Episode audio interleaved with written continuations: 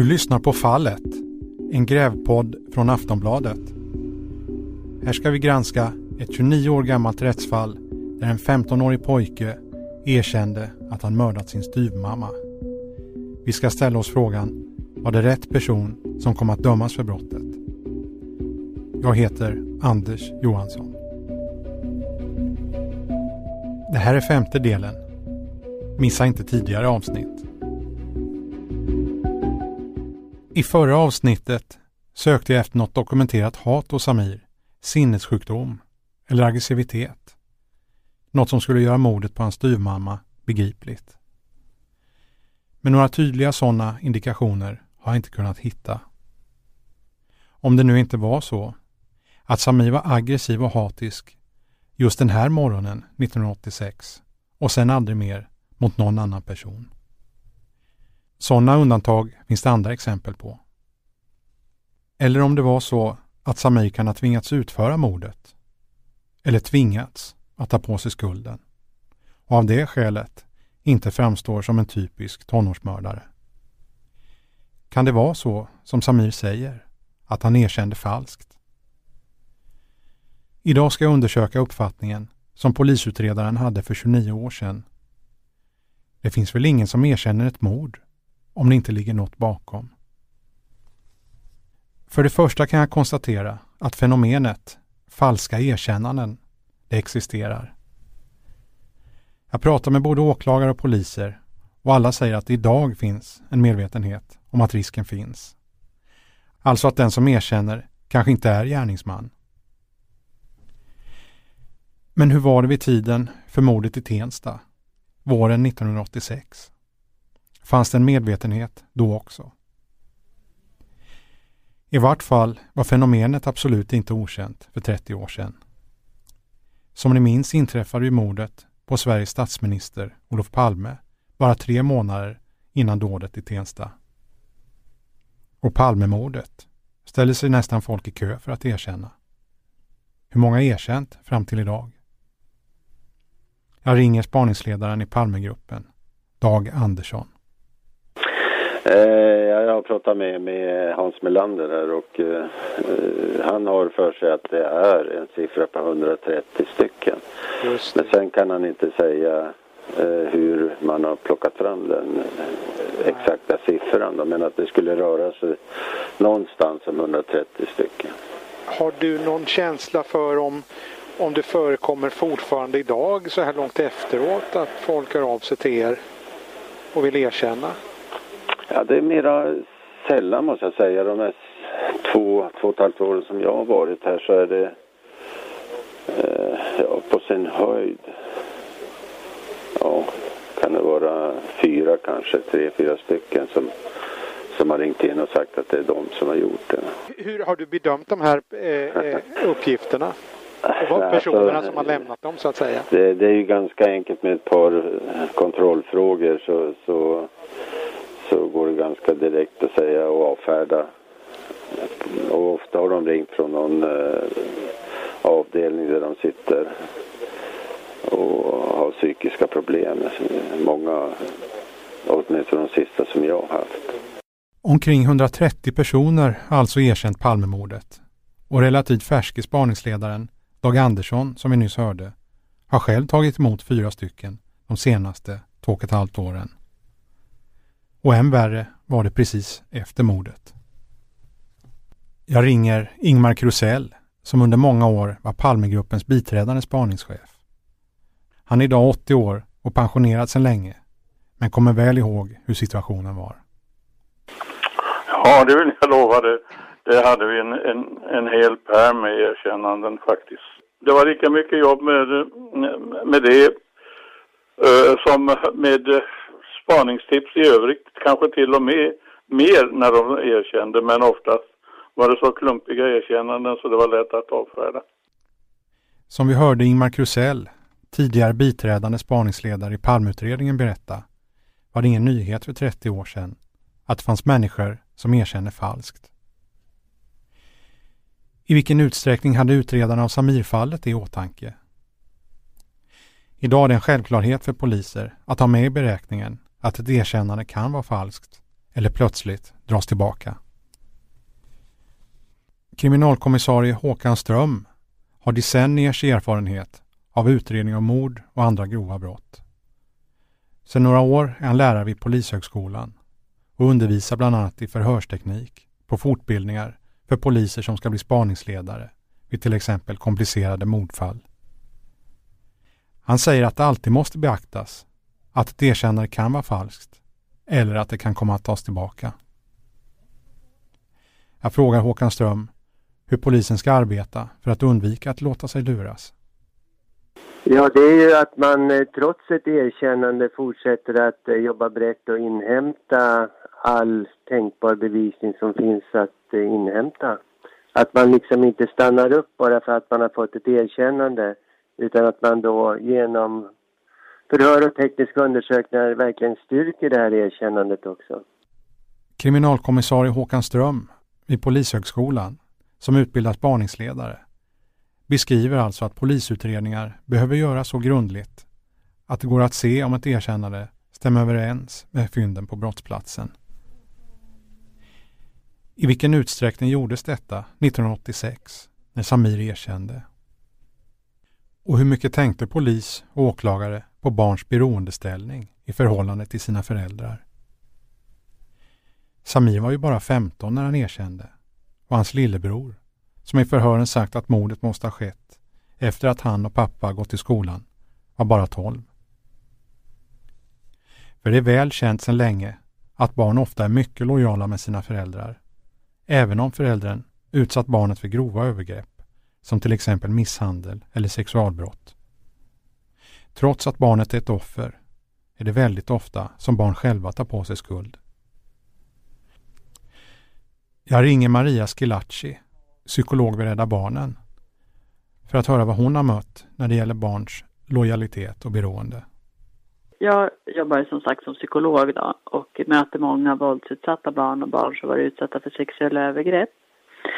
Och eh, eh, i många av de här fallen så är det ju en, en förälder som har, som, eh, som har eh, antingen förgripit sig på barnet eller använt våld i relation till barnet. Och jag skulle nog vilja säga att, att barns lojalitet i väldigt många fall är gränslös. Känslomässig relation mellan föräldrar och barn det är ju någonting biologiskt som vi har i oss. Att man tar på sig skulden för någonting man inte har gjort, är det ett... Hur, hur ser du på ett sådant beteende? Jag vet inte hur vanligt det är, men det är, jag är inte främmande för det. Att man tar på sig skulden för något som man, för att man vill skydda någon som man älskar. För lojalitet och kärlek eh, är ju väldigt närbesläktade. Och vi människor är ju beredda på väldigt mycket när det handlar om en, människa, en annan människa som vi älskar. Som barn är man ju de facto liksom i en position av, eh, av underläge. Barns lojalitet är i väldigt många fall gränslös, enligt psykolog Maria Schillaci vid Rädda Barnen, som vi nyss hörde. Och hon menar att det inte känns främmande att barn tar på sig skuld för saker de inte har gjort för att skydda någon de älskar. Och barn är i underläge i förhållande till föräldrarna.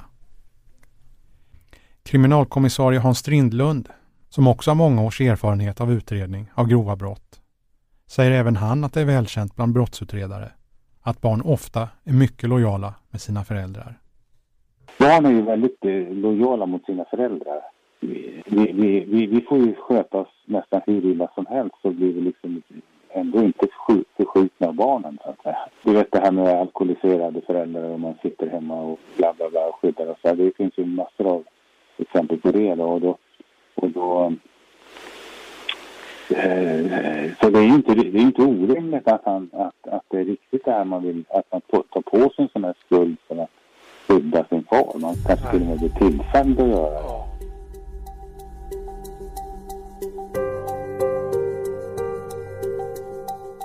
Han kanske till och med blev tillsagd att göra det, säger kriminalkommissarie Hans Strindlund. Blev Samir tillsagd att ta på sig skulden? Blev han tvingad att erkänna? Vad sa han i förhören? Jag går tillbaka till protokollen 1988 då Samir ändrade sin version och tog tillbaka sitt erkännande och sa att det istället var pappan. Jag hittar tre uppgifter.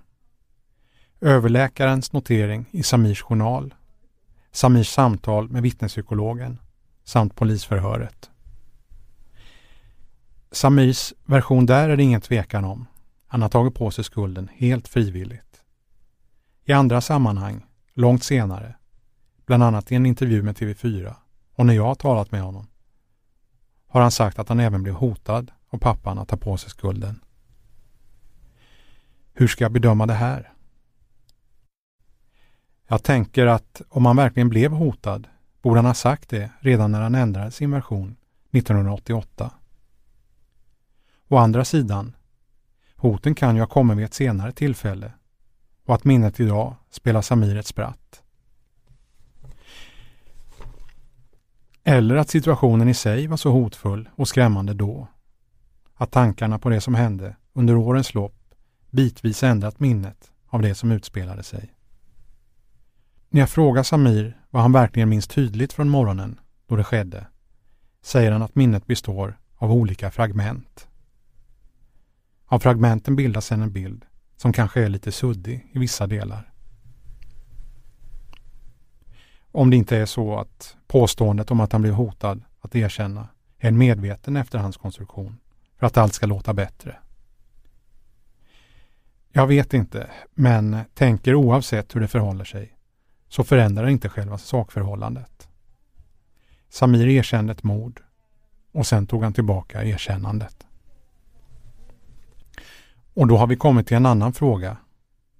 Eller rättare sagt till en fråga jag var inne på tidigare. Motivet. Finns något motiv här?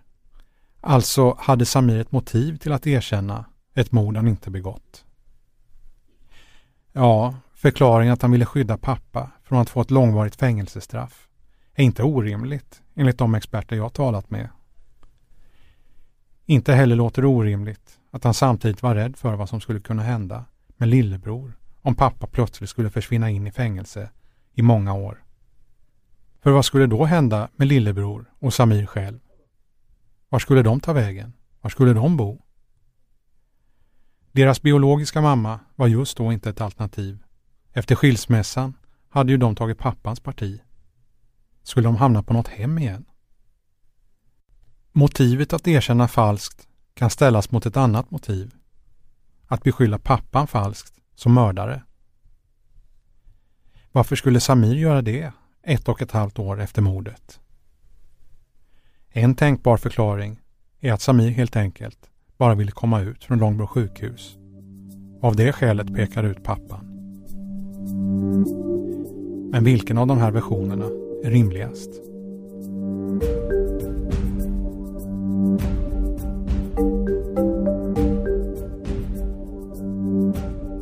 Motiv i all ära, det är lite grann av en lyxfråga. Bara för att en person tycks ha motiv behöver det inte innebära att personen i fråga också är skyldig. På samma sätt som avsaknad av synligt motiv inte utesluter en person som gärningsman. Nej, det behövs något mera, något konkret, för att kunna bedöma Samirs berättelse att han är vittne och inte gärningsman. Rent allmänt kan sägas att om ett erkännande ska vara något värt i juridiska sammanhang, om det har så kallad rättslig relevans, behöver det styrkas på olika sätt. Om det inte kan styrkas ska erkännandet inte kunna ligga till grund för en fällande dom. En viktig fråga blir därför i det här sammanhanget. I vilken utsträckning hade Samirs erkännande av mordet på styrmamman rättslig relevans? Jag ringer kammaråklagare Ola Tingvall som är insatt i de här frågorna. Han säger först och främst att när falska erkännanden förekommer Life is made up of many gorgeous moments. Cherish them all, big and small, with Blue Nile. Whether it's for yourself or a loved one, Blue Nile's unrivaled selection of expertly crafted fine jewelry and statement pieces help make all your moments sparkle. Blue Nile's experts are on hand to guide you, and their diamond guarantee ensures you get the highest quality at the best price. Celebrate a life well lived in the most radiant way and save up to 30% at BlueNile.com. That's BlueNile.com. Så kan de förklaras av lojalitet. I de fallen som man kan misstänka någon form av falskt, helt då eller delvis erkännande, det är sådana eh, fall som du tar upp nu och liknande. Mm. Nämligen ett, när det finns en lojalitet mellan personen som har erkänt falskt och någon annan person. Till exempel en pappa, en släkting, eh, vad det nu kan vara för någonting. Eller eh, som vi har sett några gånger, det finns det också exempel på när man tar på sig skulden för att höja sin status inom en gruppering. Eh, det förväntas av mig nu om jag vill visa min lojalitet och jag vill liksom gå upp lite i ställning här, att jag tar på mig en för laget liksom. Och då ser man ofta det på folk som är unga, alltså under 18 år. Eh, och det har sannolikt, tror jag, bland annat att göra med dels att de är så lätta att förleda men de har också förstått att när man är under 18 så riskerar man väldigt sällan fängelse. Utan då får man en annan mildare påföljd mot bakgrund av sin ålder. Åklagaren Ola Tingvall säger alltså att erfarenhetsmässigt kan falska erkännanden förekomma när det finns olika former av lojalitetsband. Som mellan gängmedlemmar eller mellan familjemedlemmar som mellan far och son.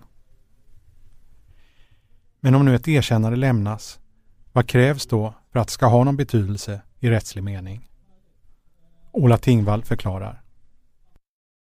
Alltså om man börjar med att utgå från lagtexten i rättegångsbalken så är det så att då säger reglerna att ett erkännande ska vinna stöd av övrig utredning. Och med det menar man ungefär det att om jag tar på mig Palmemordet nu men inte ens kan berätta hur Palme dog. Eh, då vinner inte mitt erkännande, jag säger att han blev knivhuggen. Då vinner inte mitt erkännande stöd av övrig utredning. För att vi vet ju att Palme blev skjuten. Och sen kan det ju vara sådana grejer om jag beskriver Palme som en 35-åring när han i själva verket var närmare 60 eller vad han nu kan ha varit någonting. Ja, men då vinner det inte heller stöd av övrig utredning. Så att för att det ska få, som du kallar juridisk relevans eller rättslig relevans, så ska det, finns ett antal kriterier. Ett, det ska vara självupplevt. Det du berättar ska, vara, ska få intrycket av att det är självupplevt, nämligen att du har varit på plats. Du ska ha unika kunskaper om hur brottet eller gärningen har begåtts. Och sen ska de här två första ett och två vinna stöd av vad vi har kommit fram till i övrigt. Vad vittnen säger, vad kanske om det finns ett levande offer säger, den tekniska utredningen, polisers iakttagelser på plats. Ibland går man in med hemliga tvångsmedel, lyssnar på folks telefoner. Allt du kan tänka dig, både direkt och indirekt bevisning, ska stödja ditt erkännande. Då får det rättslig relevans. Och då kan man säga att nu är, är, det inget falskt erkännande utan det är ett erkännande som är äkta. Då kan vi lägga det till grund för en fällande dom. Jag har själv varit åklagare sedan 2009. Och då kan jag väl säga så att, att det här med falska erkännanden är liksom inte ett ämne som så stöts och blöts på någon av alla de kurser vi går eller eh, liksom vi pratar om i fikarummen eller diskuterar med polisen men det ligger liksom som ett naturligt moment när du tar ställning till någons uppgifter. För det är ju inte bara liksom misstänkta personer som kanske erkänner äkta eller falskt. Det kan ju vara vittnen som påstår att de har sett saker de inte har sett, tar tillbaka och säger att nej, jag har inte sett det där längre. De kan, det kan finnas offer som påstår att någonting har hänt, tar tillbaka saker som hänt. Så vi är ju hela tiden så att vi måste ju parera och vara beredda på att nu kan uppgifterna ändras. Och då kan man säga så här att um, det som lärs ut om man ska kan prata medvetenhet eller liknande, in, inte då kanske exakt utifrån falska erkännanden, men det som lärs ut till åklagare och som vi försöker föra över till polis också, det är att en riktigt bra förundersökning, en riktigt bra förundersökning, den är helt indifferent i förhållande till den misstänktes egna uppgifter. helt indifferent eh, kan Ja. du förklara. Jag Jo, med det, ja, jo, men med det menar jag då att, att om du tar ditt exempel med den här pojken som ska ha ringt in och sagt att jag har haft ihjäl min styvmamma. En riktigt bra förundersökning eh, den kommer att leda till en fällande dom oavsett om han erkänner eller förnekar brott. Och oavsett om han först erkänner och sen förnekar eller som det oftare brukar vara först förnekar och sen erkänner. Den är immun mot det på så sätt att det finns så mycket annat. Till exempel DNA-spår, fingeravtryck, om du pratar våldtäkt, sperma eller någonting sånt där. Det finns övervakningsfilmer, det finns vittnesuppgifter som liksom tillsammans bildar en sån robusthet att det spelar ingen roll vad personen som är åtalad säger. Då har du en riktig... och det är det vi strävar efter. Åklagaren Ola Tingvall säger alltså att ett erkännande behöver innehålla unik kunskap för att ska ha rättslig relevans. Men det finns situationer där det kan bli komplicerat. Som i fall där det är som Samir påstår, att han varit på platsen som vittne och inte som gärningsman. Vi hör Ola Tingvall igen. Om man tänker sig att den personen som erkänner brott har varit på plats men inte egentligen gjort någonting så kommer ju vederbörande besitta unik kunskap om hur saker och ting har gått till. Och om man då lägger till det var jag och alla andra säger det var inte jag så är det, så är det klart att då kommer ju vi från polis och åklagarsidan kanske vad ska man säga, godta ett erkännande. Eh, för det finns det exempel på att folk kommer in både nu och då och vill ta på sig grejer för annans räkning och då förstår man ganska fort att du har inte ens varit på platsen. Men har du varit där och då, då har du ju sett förmodligen hur allt har gått till och kan lämna liksom detaljerade uppgifter om händelseförloppet, hur, eh, hur hård kraft utdelade slag eller stickningar. Du besitter liksom en unik kunskap och då blir det mycket svårare att skilja liksom ett äkta från ett falskt erkännande. Det kan jag väl också säga att där har ju rättsutvecklingen eh, tagit sig bara på den korta tiden som jag har hållit på med juridik. Jag började i Uppsala var 2003 kanske på JIS-programmet. Eh, hur man tidigare eh, egentligen hade en, bara ett steg i prövningen egentligen. Det var trovärdighetsbedömningen. Man, man tänkte sig att ja, men vad fan, vi lägger ner pennan och lyssnar på den här personen så kommer vi i all vår färdighet som jurister och skolade och att vi håller på med det, då kommer vi kunna avgöra om personen pratar sanning eller inte. Och det är ganska läskigt för det där har det gjorts massvis med studier på. De har kommit fram till att en svensk domare, polis eller åklagare är inte bättre än en apa på att avgöra om någon ljuger eller talar sanning bara genom att lyssna.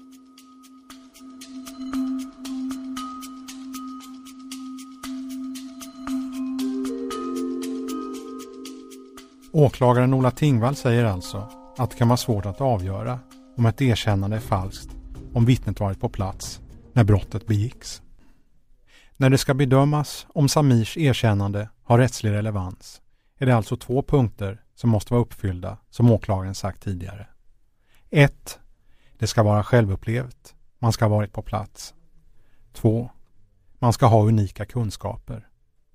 Och dessa två punkter ska vinna stöd av övrig utredning. När det gäller punkt 1 är det onekligen så att det Samir berättade först, det var självupplevt. Han var ju bevisligen på plats. När det gäller punkt 2, om man hade unika kunskaper, ja, då tyckte rättsväsendet det. Men fick punkterna 1 och 2 något stöd av övrig utredning, som det egentligen ska vara om ett erkännande ska tas för en sanning? Ja, den frågan är en av de viktigaste i det här fallet. Alltså, hur väl stämde Samirs berättelse med fynden på brottsplatsen? Eller rättare sagt berättelser, för det finns ju två versioner. Dels att han begick mordet själv, dels att han blev vittne och direkt efter mordet gjorde saker för att framstå som skyldig, bland annat skar sig själv i handen med ett rakblad. Parallellt med min journalistiska undersökning arbetar advokat Sargon Di Basso och hans biträdande jurist Karl-Emil Ekdahl. De gör en juridisk granskning och undersöker om det går att hitta material som har sån tyngd att de kan ingå i en resningsansökan. Bland annat har de hjälp av en rättstolk som gått igenom mängder av brev och anteckningar som pappan har lämnat efter sig. Skrev han kanske någonting om mordet? Jag ringer upp Sargon Di Basso, som oftast är på gott humör, för att stämma av. Men nu låter han lite dämpad på rösten. Ja, vi, vi fick ju först en omgång en ganska präktig eh, lunta med handlingar. Och det var allt från brev som eh, pappan hade eh, skickat till lite oklara adressater, från egna tankegångar som han hade tecknat ner på diverse handlingar och eh, också eh, andra mer officiella dokument i form av polisanmälningar, handlingar från sociala myndigheter och så vidare. Och jag kan väl när jag sammanfattar det säga det att eh, det har inte framkommit någonting i de handlingarna eh, som vi hade hoppats på naturligtvis. Eh, som omedelbart kastar ljus över ansvaret, alltså gärningsmannaskapet för det här mordet. Va? Så att eh, med handen på hjärtat så har vi inte fått den fullträff som vi hade önskat eh, när vi har gått igenom så att säga hela det här bohaget. Va? Nej, för det var ju en och annan handling. Det var ju flera kassar med eh, papper och, och, och noteringar och, och, brev som sagt. Jag tror, jag tror, jag skulle uppskattningsvis gissa att det var hundratals, för att inte säga upp mot tusen handlingar. Jag har plöjt igenom tillsammans med en tolk då för att i princip allting har ju varit tecknat på arabiska så att vi, vi har eh, en tolk på plats som har eh, plöjt igenom de här handlingarna. Så att det har liksom inte fått det, det utfall som man hade kanske kunnat hoppas på men samtidigt så Eh, är det vissa inslag i den här dokumentationen som är ändå av intresse. Va? Eh, som skapar en helhetsbild, som skapar en kontinuitet i hur saker och ting har förhållit sig över tid eh, som jag tror ändå är ganska nyttig i slutändan. Advokat Sargon De Basso har inga glädjande nyheter för dagen. Inga nya uppgifter har gått att hitta. Inte där.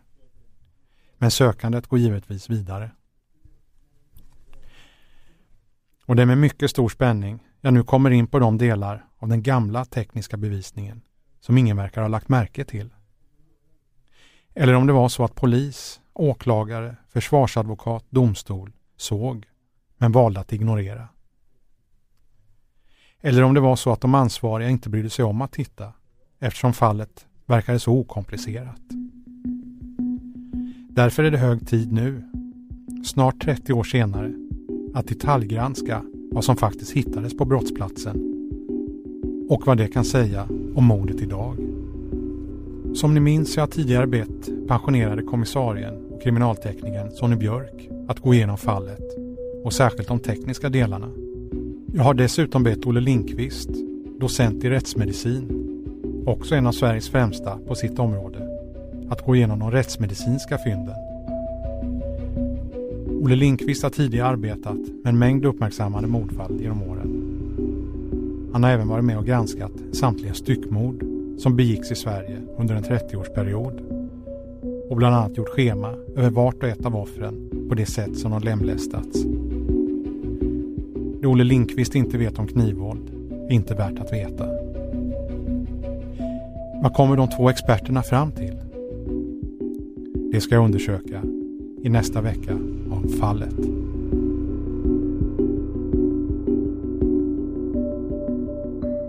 Du har lyssnat på Fallet, en grävpodd från Aftonbladet.